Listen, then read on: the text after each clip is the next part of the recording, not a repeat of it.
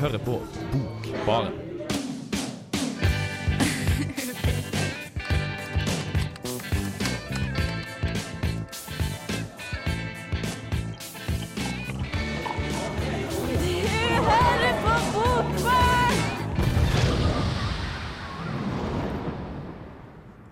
Hei og hjertelig velkommen til septembers første sending med Bokbarn. Vi hadde jo reprise sist. Um, men som du, ja, som du, kanskje hører, så er jeg litt, litt rusten i stemmen, men uh, jeg skal i hvert fall prøve å lose dere gjennom i dag. Og jeg heter Ingrid Kveim Skarholt. Uh, og jeg har også med meg to andre som har vært her før. Kristoffer Ervik og Hanna Malene. Hallo! Hei. Men hva er det som er spesielt med denne sendingen? Det er at vi har fått en ny. Jeg tror ikke jeg skal skrike så mye. Men, uh, og hvem er det? Ingen som vet. Ingen som vet? Har du lyst til å si hei? Ja. Uh, mitt navn er Vetle Henriksen. Ja. Ja, hyggelig å være her i studio. ja. Det syns vi òg. Vi er veldig glad for det. Og vi gleder oss til å bli bedre kjent med deg etter hvert. Men uh, vi skal jo ha med noe, vi også, vi andre. Hva er det du har med deg, Kristoffer?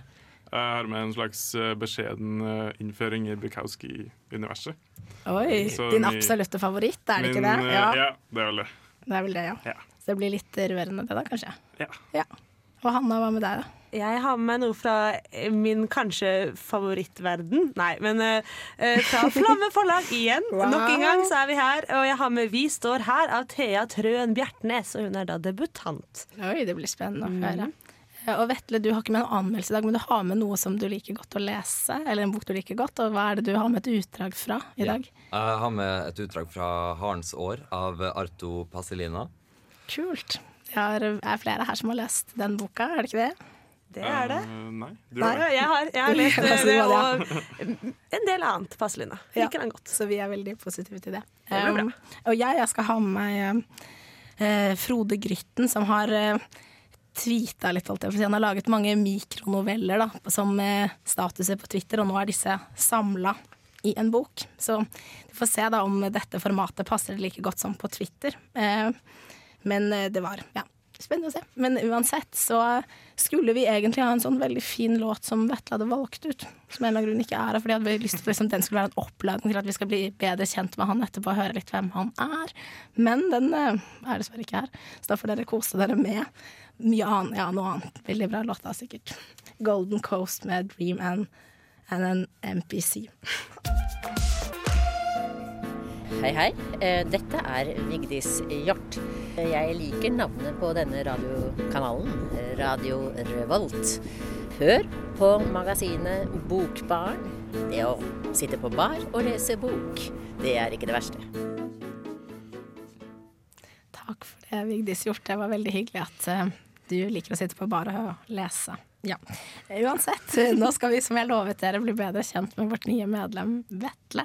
Um, så ja, hvem er du? Um, jeg studerer på NTNU. Studerer litteraturvitenskap, tar en bachelor der nå. Uh, Så vi går jo sammen, vi. Ja, jeg og Vetle går i samme klasse. Det er kjempetrivelig, for å være litt sånn trøndersk. For å være litt er trøndersk. Altså, dere har sett hverandre før faktisk for dette opptaket, eller kanskje? Mm -hmm. Jeg, jeg blesta i forelesning og sa at noen måtte søke bokbarn, så jeg mener at det er selvfølgelig derfor Vetle søkte. Jeg vet ikke om det var der engang, men det er det det. derfor. Å, det er derfor Vetle søker. Han syntes jeg virket så hyggelig, så han ville være med og henge med meg hver tirsdag. Hver tirsdag. Bra du har gode tanker om det selv. Veldig. Men ehm, du virker jo som du er interessert i å lese siden du går på litteraturvitenskap også. Men uh, har du noe spesielt som du liker å lese, da, som du kanskje kommer til å bidra litt med i programmet? veldig glad i å lese eh, norsk litteratur, egentlig. Veldig glad i samtidslitteratur, hovedsakelig fordi da kan jeg relatere til det. Syns det er veldig spennende når forfattere har eh, tatt utgangspunkt i det samme som jeg ser rundt meg. Men det er også veldig spennende å lese litteratur fra kanskje sent 1800-tall, tidlig 1900-tall, for å få et bilde av hvordan forfedrene våre tenkte. Og det er fint å få et bilde av uh, hvorfor ting er som det er nå. Jeg leser ikke bare norsk. Jeg er veldig glad i eh, en fransk forfatter som heter Albert Camus. Jeg må nesten dra fram han i og med at han er min favorittforfatter. Han er veldig flink. Mhm. Ja. Men eh, hva er det du liker ved han, da? Han tar opp veldig sånn eksistens... Ekstis, eh, hva heter det? Eksti, Eksistensiell. Ja, det er ordet. Um, spørsmål. Som er veldig interessant. Nesten litt sånn samtidsfilosofi. Eller, han eh, skrev vel mest på 1940, men det er fortsatt veldig dagsaktuelt. Skriver veldig mye om eh, mennesker i eh, samfunn i håpløse situasjoner osv. Men um, foretrekker egentlig å lese noe litt mer lystig, da. Ja, du, kan bli, du blir litt sånn tynga av å lese Ja. tunge. Ja. Mm. Foretrekker kanskje Ellen Loe. Ja, Ellen Lo, det er vi jo en til her borte som er vifter yes. med hånda. Ja, som eh, er glad i han, og vi er vel egentlig Jeg er også glad i han. Er du det, Hanna? Ja, jeg tror det, men jeg tror det er noe sånn ekstra med trønderbarn. Det er sånn, han er fra Trondheim, og han er liksom anerkjent i hele Norge. Og Kristoffer, han er venn med noe på Facebook. Ja, eh, så vi er jo nesten i slekt. Ja. Ja. Det var bare derfor Kristoffer fikk lov å være med Bokbarn, da, men du fikk lov av litt andre grunner. Mm. Ja, dere gikk jo på Katta sammen med Ellen Lo, som også gjorde det en gang. Å ja. Men det, vi gikk jo på Katta i Oslo, mens Vetle Ja. på Katta i Trondheim. Så Katta er tydeligvis knytta til Bokbarn. Det er veldig hyggelig, da. Veldig, veldig hyggelig. Uh, Men du har ikke med deg noe av Albert Camus i dag, Vetle. Hva er det du har med deg? I dag har jeg med Harens år, som eh, er litt sånn Erlend Lo-aktig. Bare at uh, han er finsk. Det er den, den store forskjellen. Det er at han er finsk. Ja, men jeg føler at det er eh, den finske Lo, egentlig. Ja, Hovedsakelig fordi at han skriver veldig likt som han, i og med at det er ikke så dype skildringer. Det er mer eh, rett på sak, da. Så får ikke sånn estetisk språk som er veldig vakkert og fint å høre på. Men eh, det gir eh, veldig interessant ja, da- Han tar opp veldig mange interessante spørsmål som du får lov til å tenke litt på selv, uten at han nødvendigvis gir deg svaret. Så du får også lov å tilføre noe til liksom, boka. Det er Ja. sikkert veldig, veldig fint. Eh, Men hva er det utdraget som du har med deg i dag, da? Hva er det for noe? Ja, hva er det du har valgt å eh, Utdraget mitt er fra innledninga. eh, fra Ja, det setter vel egentlig hele plottet. OK, så det er litt nødvendig å ha hørt det for å lese resten av boka? Ja, det som Ja. skjer, er at uh, det er en journalist og en fotograf som um, har eh, en ganske kjip tilværelse. De klager mye og krangler i bilen på vei til eh, Helsingfors, hvis jeg ikke tar feil. Ja. Og eh, så ender det med at de kjører på en hare, stopper bilen, og journalisten går ut for å se hvordan det går med haren. Og i det øyeblikket han tar haren i hendene, det her eh, utdraget kommer inn, så finner han ut at han har lyst til å legge hele sitt gamle liv bak seg, og går rett inn i skogen. OK, at en hare kan være årsak til noe sånt, det er veldig veldig spennende, syns jeg. Men eh, jeg gleder meg i hvert fall til å høre utdraget, for det kommer nå.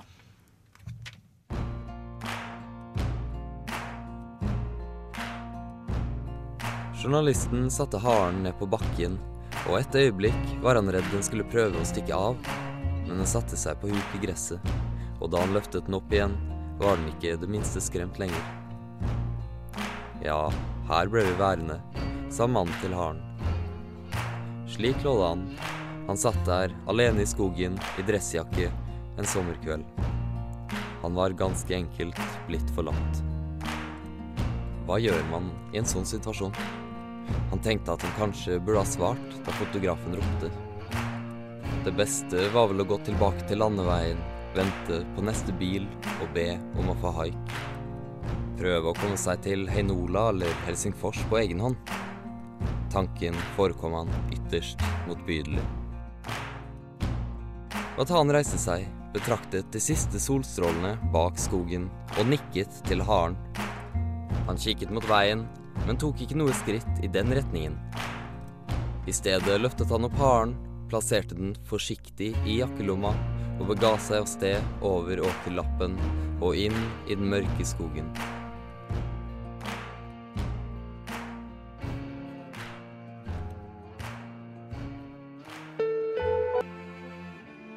Hei, det er Pedro Carmona Alvarez. Du hører på Bokbaren på Radio Revolt. Takk for det, Pedro. Hanna sa akkurat at du hadde fine hender, det vet ikke jeg om du har. Men uh, uansett, nå skal vi snakke om en annen mann som kanskje har han fine hender, Kristoffer. Buk Bukowski, din store, store helt. Ja, Jeg ser litt ut som et troll i ansiktet. Men I jeg har ikke, skjedd, ansiktet. så, jeg har ikke liksom studert hendene hans. Nei, du har faktisk ikke fokusert på det. For jeg husker, jeg syns bildene hans er veldig sånn kule Liksom. Ja, jeg er veldig hard. Jeg digger den. Hard, jeg har sånn. Ja.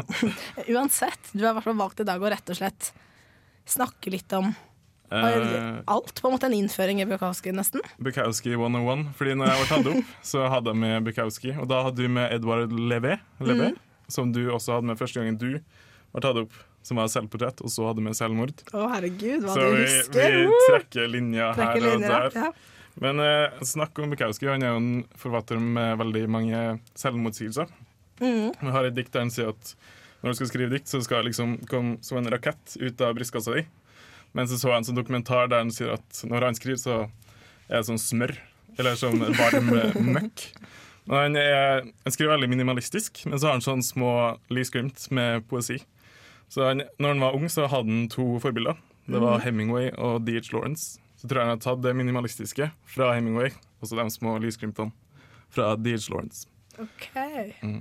Jeg Jeg også- hadde jo med en boka om han før sommeren. Ja, Dear Jones. Ja. Ja. det var om han, ikke av han. Nei, jeg vet det. Jeg vet, det. husker ikke hva. Kverulering er viktig. Uansett, eh, du har vel mer å Du er- ser ut som du er klar til å det. Hva mer er det Jeg du har? klarer bare klar. kaste Kaste, i informasjon Bukowski som mulig. Mm. Han er en hit and miss-poet, har jeg hørt. Eller jeg har lest det på internettet. At han, jeg vet ikke helt om det er bra eller ikke. Han bare skrev, han skrev sikkert eh, ti dikt hver dag. Så bare, Han visste ikke helt når det var bra, men så når han skulle gi det til redaktøren, så ga han sikkert eh, 200 dikt, og så ble det sånn 50 stykker av dem til slutt. Så her er en sånn diktsamling som heter 'Mockingbird Wish Me Luck', som er veldig god. Så har han en som heter 'Drowning in Flame, uh, Burning in Water', som er egentlig bare en samling av masse dikt den skrev på to år. Så eh, fordelte redaktøren i noen gode dikt, som var i 'Mockingjay Wish Me Luck', og dårlige i 'Burning in Water', 'Drowning in Flame'. Så pass på hva du kjøper for den er veldig mye. Så Ja. hvis du liker Bukowski, så er det liksom det er veldig heldig, for det er veldig mye å ta av. Det er veldig mye å ta av. Men du sa at det var noen som var flaue over at de leste han. Sånn litt kjente, ordentlig gode forfattere, sånn Per Petterson og sånn, som Ja. flau over det. Hvorfor det? For at jeg møtte uh, halvonkelbarnet hennes. Det er Petterson. Jeg syns onkelbarn er så nevø, liksom? Ja, det er en halvsteonkel-nevø Ja. eh, som sa at han hadde fått en Bukowski-roman av, eh, av Per Petterson, som er da onkelen. Steonkelen. Og så sa han at eh, det var en veldig god bok, men så ga han ut Per Petterson ga ut 'Måne over porten', som var en sånn essaysamling om Ja. Der snakker han om John Fante og Celine, som er veldig nær Bukowski i liksom, litteraturen. Men han hadde ikke med om Bukowski. Det er ikke sånn Jeg ble ikke sint på Per Petterson for at han ikke hadde med, men det var mye grunn til det. Hvis han liksom Ja. anbefaler til nevøen. Stenevøen. Men du skal nå bevise med det du har laget, hva, hvorfor vi må høre på Bukowski Nei, lese Bukowski, mener jeg. Ja, fordi Bukowski er så mye. Det er så tror det er veldig mange som eh, ja, reduserer den til noe veldig enkelt. Da. Jeg tror det er litt av hans skyld òg, for den er veldig beskjeden. Når han er på intervju, så blir det bare hora og alkohol. Det blir liksom ikke noe mer. Så Ja. da tenker folk også at det er det. Men det er veldig mye. Jeg er veldig glad i litteratur, f.eks. For det lille jeg har lest han, så syns jeg han var litt Ja, det var litt mye av det, altså. Ja. Litt skittent. Er litt grov, tror jeg. Han men, Sutrer. Sutrer, ja. Unnskyld, jeg må bare Eh, si det. Men eh, du har eh, Jeg tror kanskje at vi skal bli litt kjent med han. Og så kan du komme jeg husker, Det er en fun fact som vi har snakket litt om, som du skal fortelle om han etterpå. tenker jeg Vi Ja, sparer så den. bra. Eh, så derfor så hører vi på Kristoffer som hyller Bukowski. Henry Charles Bukowski ble født i Andernach, Tyskland 16.8.1920. Mora hans var en tysk stuepike, og faren hans var en amerikansk soldat. Faren tok med seg kona og Charles til Los Angeles. Bukowski forteller om oppveksten i hans tredje roman, Hammond Rye, der han blir regelmessig banka av sin far, og mora bare svarer med et stygt smil. My mother, poor fish, wanting to be happy, beaten two or three times a week, telling me to be happy. Henry, smile. Why don't you ever smile? And then she would smile to show me how, and it was the saddest smile I ever saw. Han vokste opp til å bli en likegyldig, malplassert ungdom som verken hadde noen som likte han, eller noen han kunne like. Da han ble 16 år, fikk han ekstremt mye kviser.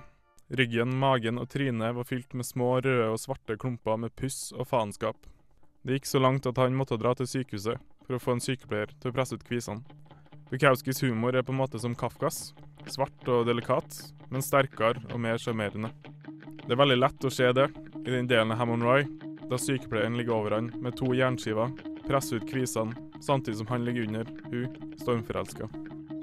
Beware the preachers, beware the knowers, beware those who are always reading books, beware those who either detest poverty or are proud of it, beware those quick to praise, for they need praise in return. Beware those who are quick to censor.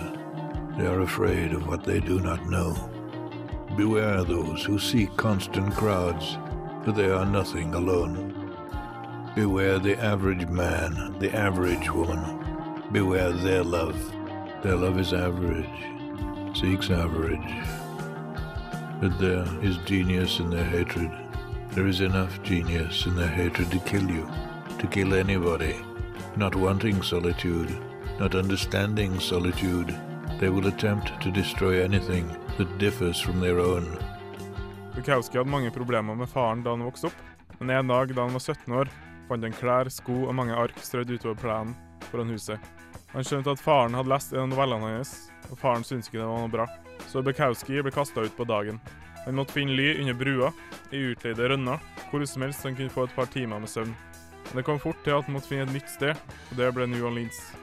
I Faktotum, Bukowskis andre roman, skriver han om hvordan det er å leve uten noen form for inntekt. Bortsett fra de regelmessige avslagene fra magasiner, som ikke ville ha novellene hans.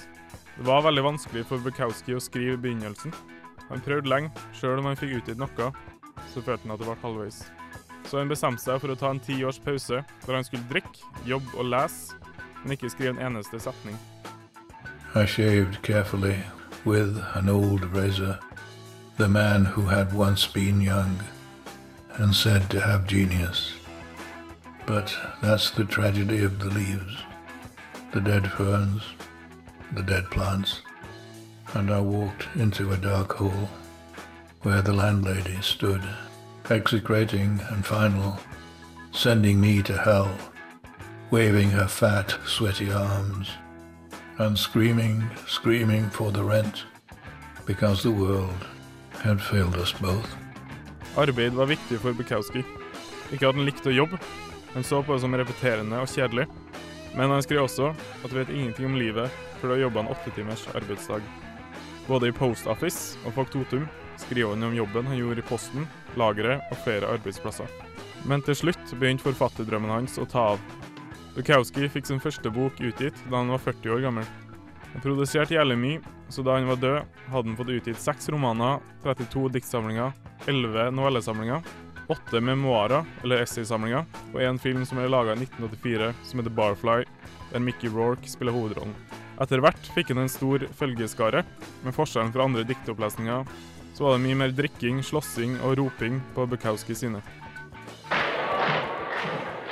we walked into this big gymnasium and there were bleachers set up and you know there were like six seven hundred people there Okay, you're lining up around the corner. You have a little pot on the stage I can vomit in? yeah, we'll no, I'm not kidding. Wow.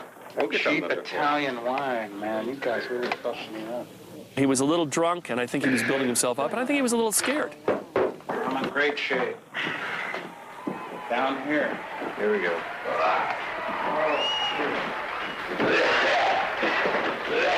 Ladies and gentlemen, Charles Bukowski.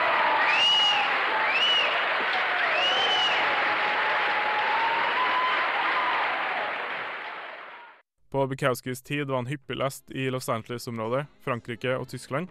Men i dag leses han over hele verden, og du kan finne entusiaster i så å si hvor som helst. Personer som Jean-Paul Sartre karten for det 20. århundrets beste forfatter fra Amerika. Ane B. Ragde, Tom Waits, Bono, Sean Penn, Joakim Nilsen og Ingvar Ambjørnsen og Aksel Hennie har gått ut og sagt hvor jævlig glad de er i han. Men likevel blir han sett ned på av akademikere og taffeljazzere. Men Bukowski er som alle store kunstnere et produkt av sine forbilder. Fra Hemingway, D.H. Lawrence og Hamsun, til John Fante, Louis Ferdinand Celine og Dostojevskij. Bukowski er større enn livet. Bare gi han en sjanse. Hei, dette er Jostein Gaarder. Du hører på Bokbaren i Radio Revolt. Ja, da hørte du akkurat uh, før Jostein Gaarder, så hørte du Spider God. Ja. Jeg husker jeg ikke helt hva den låta het, søren. Men ja, uansett. Hanna, da er det din tur uh, til å, til å snakke. Ja, men først så må vi få en fun fact. Jeg er to. Og jeg trodde vi skulle spare fun facten helt til slutt, men du kan ta den Å ja, da. jeg trodde vi skulle ha den nå. Fordi vi har hørt om Bukowski og Kristoffers store helt. Jeg Nettopp. skal, ja. Er kort, Jeg er to.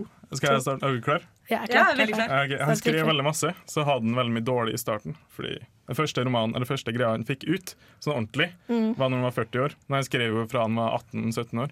Okay, så det tok veldig lang tid. Men han fikk noe utgitt. Det er en fyr med en sånn kopimaskin, eller noe lignende, som eh, har rettighetene på den første novellesamlinga til Bukowski. Det må du betale 2000 kroner for å få et eh, lite eksemplar for. Er det verdt det? Eh, jeg vet ikke. Jeg tror det er ganske ræva. Men det er Men det er jo en fin ting å ha. Fin Ja. ting å skryte Ja. til Bukowski-vennene dine. Ja, fin fun fact å ha om seg selv, liksom. Ja. Man drar det ja, fra Bukowski til seg selv. Men hva er den andre, da? Eh, FBI, FBI. har en liten mappe på Bukowski. For at den var veldig eh, Hadde så stor følgeskare. Det var så mange som likte den. Det kom jo På sånne diktsamlinger til vanlig Så kommer det sånn 30 stykker. Men til Bukowski kom det liksom 500. Og det var liksom folk som jobba på lager og på postkontor. Så han trodde de skulle liksom skape en sånn revolusjon i USA. Ja, ja, det var ikke han så veldig glad for. Så, så kom han med sånne gode verdier om å liksom Selv om du ikke var i sånn kultur tafelias-miljø, så okay. kunne du likevel lese Dostojevskij. Det tror ikke jeg liksom folk i USA, toppledelsen, var så veldig glad for. Jeg tror det kommer til å være samme blest, holdt jeg på å si, rundt eh, din eh, debutant, Hanna? Nei, jeg tror nok dessverre ikke det kommer 500 eh, fra si, arbeiderklassen på diktsamling for å lese 'Vi står her' av Thea, uh, Thea Trøen Bjertnæs. Thea Trøen Ja. Nei, jeg tror nok dessverre ikke det. Selv om hun kunne jo, hun prøver jo veldig å være normal. Da. Det er det. Dette er jo det normale livet som vi er så glad i, som skildres her nok en gang. Eh, men med litt tvist, for det er en bakgrunnshistorie om en far som har misbrukt henne, og det er liksom noe som er ganske trist, men samtidig så er det mye sånn det de sier, og som jeg også sier i anmeldelsen, at de snakker veldig om at hvordan liksom finne plassen sin i verden, og hvordan skal man liksom orientere seg etter alt det onde som har skjedd. Og sånn, så har jo også boka en, et cover hvor det står 'Vi står her', og så er det en sånn rød dott. Eh, som er plassert rett ved der hvor jeg bor i Oslo. Så det syns jeg er veldig trivelig. Det var jo også en av grunnene til at jeg tenkte at denne boken er jo veldig hyggelig, fordi dette handler jo om Røa, som er liksom mitt sted. Eh, men det har ikke så mye med rød å gjøre. Det er på en måte, hun nevner sånn rød, og så nevner hun Nordengveien, og så får vi liksom egentlig ikke vite så mye mer. Altså apoteket, tror jeg hun nevner. Altså, det er liksom ikke noe så veldig sånn stedspesifikt allikevel. Um, det er, ja det er, Jeg ble litt skuffa, da, for jeg, jeg tenkte liksom at å, men Flamme forlag og finne ut hvor man står i verden. Sant? Dette liker jeg jo godt. Nå skal vi, skal vi lære oss hvordan det er å være Ja, menneske. eh, for at den der innle, du, noe av det du skriver i anmeldelsen, og kommer det for så vidt etterpå, men jeg tenkte, da sto det mye om det der um, å skrive dikt kan være en slags kartlegging, både mentalt og geografisk. Du skriver for å finne ut hvor du er, hvor du har vært, og hvor du står. Så det, er, det var jo det temaet som du snakket om i stad, vi står her, men synes du at du kommer fram, at du finner ut hvor du står og hvem du er, og hvor du har vært? Nei, altså det er nettopp, dette er veldig sånn, og vi skal bearbeide liksom virkeligheten gjennom språket, som jeg er veldig veldig fan av. Jeg har, veldig sånn, ja, jeg har stor tro på at språket kan si oss noe om virkeligheten og om noen vi er. Eh, men jeg synes liksom ikke hun får det helt til. Det er veldig mye refleksjoner som på en måte bare er sånn ja, ok, greit, så blar man på en måte videre, og så setter det seg på en måte ikke igjen. Du bare har lest det, så går det dessverre litt forbi. Ja, vi blir ikke så godt kjent med det lyriske jeg, liksom. Det er Nei, ikke noe det er, det, er, måte, det er ikke så samlende. Altså, snakket, vi- har jo, vi snakket om dette før sendingen, så dette, kanskje nettopp det er hele greia. At det er jo ikke noe samlende. Ikke sant? Fordi kanskje det ikke er mulig å orientere seg på en måte sånn som med kart og kompass da, og si at dette her er jeg mitt, akkurat her er jeg, og sånn ser det ut. At det er veldig fragmentert og vanskelig. Men Men det kunne vært litt bedre. ja, det Litt var bedre, bare kanskje, vanskelig på en måte å, å orientere seg i. Så det, måte, det kunne vært veldig sånn meta. Men eh, jeg følte heller at det ble litt sånn ja ja, ok greit. Men det er jo, som jeg sier i så er det også noen fine deler, og det er veldig fint det hvor ting er litt vanskelig. Eh, så hun kunne kanskje måtte, ikke hatt så mye den derre sånn, Snakke bare generelt om livet, om å sitte på trikken og T-banen og sånn, for det slår på en måte litt i hjel det som faktisk er litt sånn trist og tungt, som man på en måte bruker litt tid på å lese og setter seg igjen, da, og det andre på en måte bare skummer man veldig fort forbi, og det er litt trist. Ja, jeg gleder meg til å høre noen utdrag fra den som også kommer i, og selvfølgelig dine tanker, enda mer Mm. utdypende, ikke minst. Så nå kommer anmeldelsen, dere. Å skrive dikt kan være en slags kartlegging, både mentalt og geografisk. Du skriver for å finne ut hvor du har vært, hvor du skal og hvor du står. Sammen med hvem? I Vi står her møter vi en ung jente som har hatt et vanskelig og traumatisk forhold til faren sin, som blir syk og dør. Og hvordan orientere seg på nytt i etterkant. Hvordan lage en ny verden. Hvordan se forskjell på folk som vil deg vondt, og folk som vil deg godt. Og hva om det er de samme folka, som er den unge jentas store skrekk? som er alle menneskers store skrekk. At vi ikke har noe sted vi er helt trygge, helt gode, samme hvor. Slik står Vi står her av Thea Trøen Bjertnæs beskrevet i katalogen til Flamme forlag. Og jeg lar meg sjarmere. For nettopp det jeg liker med Flamme, er at det gir meg muligheten til å prøve å lokalisere hvor jeg står. Ved å se hvordan andre folk står og går i fiksjonelle univers. Denne erkjennelsen litteraturen ga deg igjen og igjen da du var yngre og iblant følte at ingen, absolutt ingen, skjønte hva det var du hadde på tallerkenen. Om at du tross alt ikke er alene. Men klarer vi å orienteres ut fra den røde prikken på coveret som viser hvor her er? Mamma sier jeg må si fra hvis jeg ikke har Milo. Hvis jeg trenger ei lampe til stua. Snakker om varmekablene på badet. At jeg må skru opp varmen og tørke klærne mine der. Hun vet ikke at det er lenge siden jeg kyssa noen. Jeg sier jeg må ringe henne opp igjen. Rasmus og Benjamin kysser på TV-en. Kysser på mandag, lørdag og søndag. Thea Bjertnæs skriver ut hverdagslige situasjoner, og det er dette vi i høy grad orienteres ut fra. Er det Milo igjen? Hva vet du egentlig om meg når vi ikke lenger omgås hver dag, når veiene våre ikke er de samme? Det er refleksjoner om å reise på trikken, på T-banen, og mennesker som reiser forbi og setter spor. Refleksjonene er altså til stede, men de er kanskje ikke alltid like treffende. Det er bedre når det snakkes om den vanskelige fortiden. Om faren som ikke behandlet henne rett. Det står 'Jeg trenger å prate'. Jeg halter rundt når jeg snakker om røda. Menneskene tror så mye på dette. Bearbeiding ved hjelp av samtale. Refleksjon. Sorgarbeid. I begravelsen satt jeg på første rad. Jeg var et barn kona hans hadde fortrengt, og den siste gangen han feira bursdag, sa han ingenting om meg i talen sin. Jeg var egentlig ganske flink til å gjemme ei jenta som ikke liker melk, som finner alle hovedstedene på kartet. Kona hans husket at jeg rynka på nesa av smøret på brødskiva. Hun sa at barna deres ikke skulle bli som meg. For i sorgen er det noe som treffer. I beskrivelsen av en far som av og til må hentes, som forsvinner. Når de som har kjent deg hele livet, ikke er en trygghet å lene seg mot. Når de som skal ville deg mest godt av alle, er de som volder deg vondt. Man blir trist av disse skildringene. Men det er for mye annet som skal være det samtidig, og det blir for mye kontekst, for mye lyd, der det kanskje skulle vært stillhet. Jeg vet ikke hvor vi står når jeg er ferdig, og det er mest i glimt at jeg vet hvor vi har gått. Men der det stoppes opp, blir vi holdt igjen lenger enn vi tror.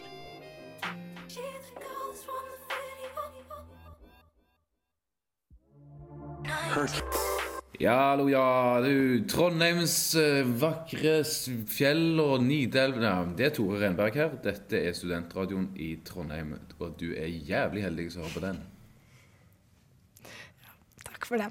Uh, uansett, nå er det i hvert fall Nå har vi hørt uh, Hannas uh, anmeldelse, så da er det vel egentlig min tur, da.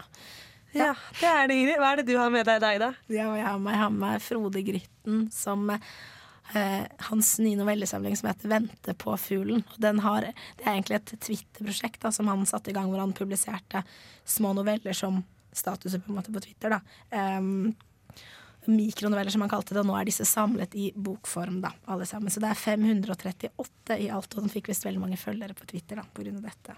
Ja, jeg følte jo faktisk eh, Gritten på Twitter selv, men jeg begynte med det ganske seint, så han sluttet liksom. Jeg hadde funnet ut at dette var dritkult, og så varte det en stund, og så bare å nei, nå er prosjektet ferdig. Og jeg bare OK, greit, takk, hyggelig. Ja, for jeg tror på en måte at det er, altså det er veldig gøy å se prosjektet under ett, men jeg syns kanskje at formatet Twitter, selv om jeg ikke er der selv, altså føler jeg kanskje at det passa litt bedre til dette prosjektet.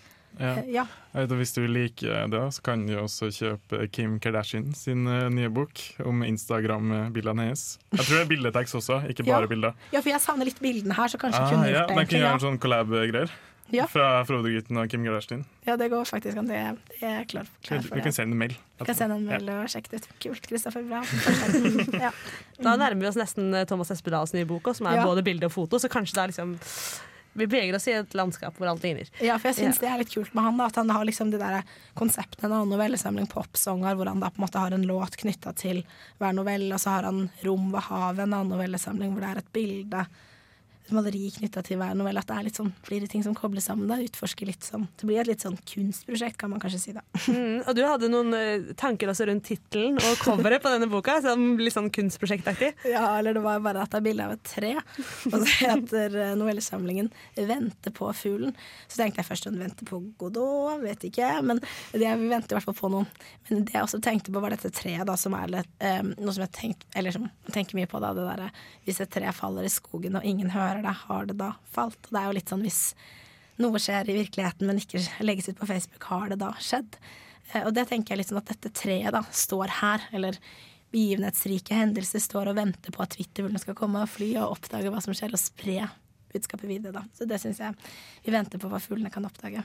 Mm. Men hvordan funker det å ha de Twitter-novellene på dette bokpapiret? Um, både og. Noen av dem som jeg sier senere, er at hvis, altså, som noveller, da, hvis de greier å være veldig konsentrerte og veldig presise, så funker jo det utrolig bra. Og disse her greier å være er jo begrensa til 140 tegn, så de kan jo, hvis de klarer det, være veldig, veldig, veldig bra og ta en situasjon skikkelig på alvor. Men noen av dem er jo Man savner jo litt fordi man kjenner uh, Gryttens innsikt i mennesker uh, gjennom andre noveller, så savner man jo litt å virkelig få se ordentlige karakterer, hele bildet av et menneske, for det blir jo veldig sånn kort og enkelt, og man, man ser jo ikke helt hvem de er. Men vi kan jo se at det kanskje blir bedre kjent, at det er litt sånne ideer som han poster ut, og kanskje han kan skrive en utfyllende novelle med noen av situasjonene. Ja. Ja, grunn til å uh, lese uh, den boka istedenfor liksom feeden, Twitter-feeden til Frode Grytten? Er noe som mangler? Har du noe sånn bonus-track som er frister med boka? Vet du noe om det? Har, følger du den på Twitter sjøl? Nei, jeg sa at jeg ikke hadde Twitter. Ah, du ikke. det? Nei, okay. Nei. Da er det vanskelig, da kan jeg vel lese boka.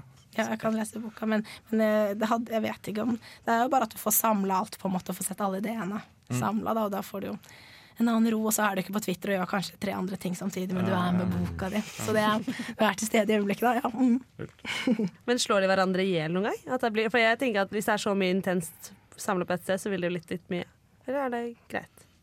Nei, på en måte ikke, fordi de er veldig forskjellige. De tar for seg veldig mange eh, vanlige eh, situasjoner, sånn som vi kunne kjent oss igjen og kunne hatt en status som selv, så det er jo ganske spredt. Men det er jo eh, Nei, jeg syns ikke det blir så mange som blir helt like, for det er veldig mange ting å ta tak i i verden og i hverdagen. Og ja. mm. Men eh, vi kan jo kanskje høre litt mer på den og få noen tweets også. Ja, det er klart for å vente på fuglen. Hver kveld klokken ni kler mann 52 seg findressen, skjenker en whisky, tenner en sigar og finner fram Mac-en. Så googler han seg sjøl. Vente på fuglen. I likhet med de fleste andre A til E-kjendiser skaffa Odda store sønn, eller ja, novellemesteren Frode Grytten, seg Twitter for noen år tilbake. Men med noe originalitet i behold. Heldigvis så ble intetsigende statusoppdateringer erstatta av 140 tegns mikronoveller. Prosjektet resulterte i 538 statuser i alt, som Twitterfuglene nå har samla og fløyet til bokhandelen. Med tittelen 'Vente på fuglen' poster Frode Grytten sine observasjoner av vår tids bli sett hele tiden i dine mest heldige øyeblikk, mani. Grytten, som har flere alvorstunge og kloke novellesamlinger bak seg, taster denne gangen her litt mer på overflaten. Hver novelle fungerer delvis som en retweet av en fiktiv persons status. Temaene er varierte, enn hverdagslige, og kunne faktisk vært statuser. Det er spisevaner for bortskjemte barn, det er uheldige kjærlighetstatoveringer og treningstips. Ja, jeg må nok innrømme at ribba for Gryttens språkdrakt, så ville nok innholdet vært noe flatt i denne samlingen. På en annen side så er det kanskje nettopp dette som gjør Vente på fuglen til et så spennende prosjekt. For Grytten beviser jo nemlig at den som lever litt mellom linjene, kan få det mest trivielle innhold interessant. Til slutt er barnerommet så fullt av Hello Kitty-effekter at datter, fem, våkner opp som rosa pus. Wow! lyder mora. Hello, sier Kitty. Drømmedame 28 treffer drømmemann 28. De flytter inn i drømmehus, kjøper drømmebil, får drømmehund, lager drømmegutt. Så begynner marerittet.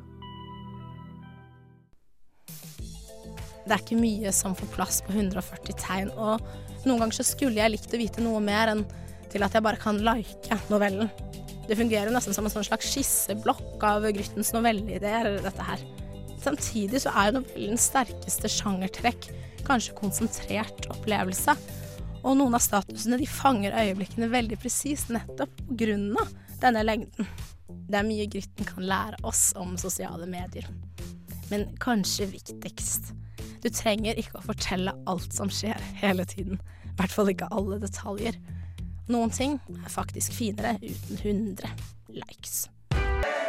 Eh, ja, jeg heter Dag Solstad, og dere hører nå på Bokbaren, og der er altså jeg.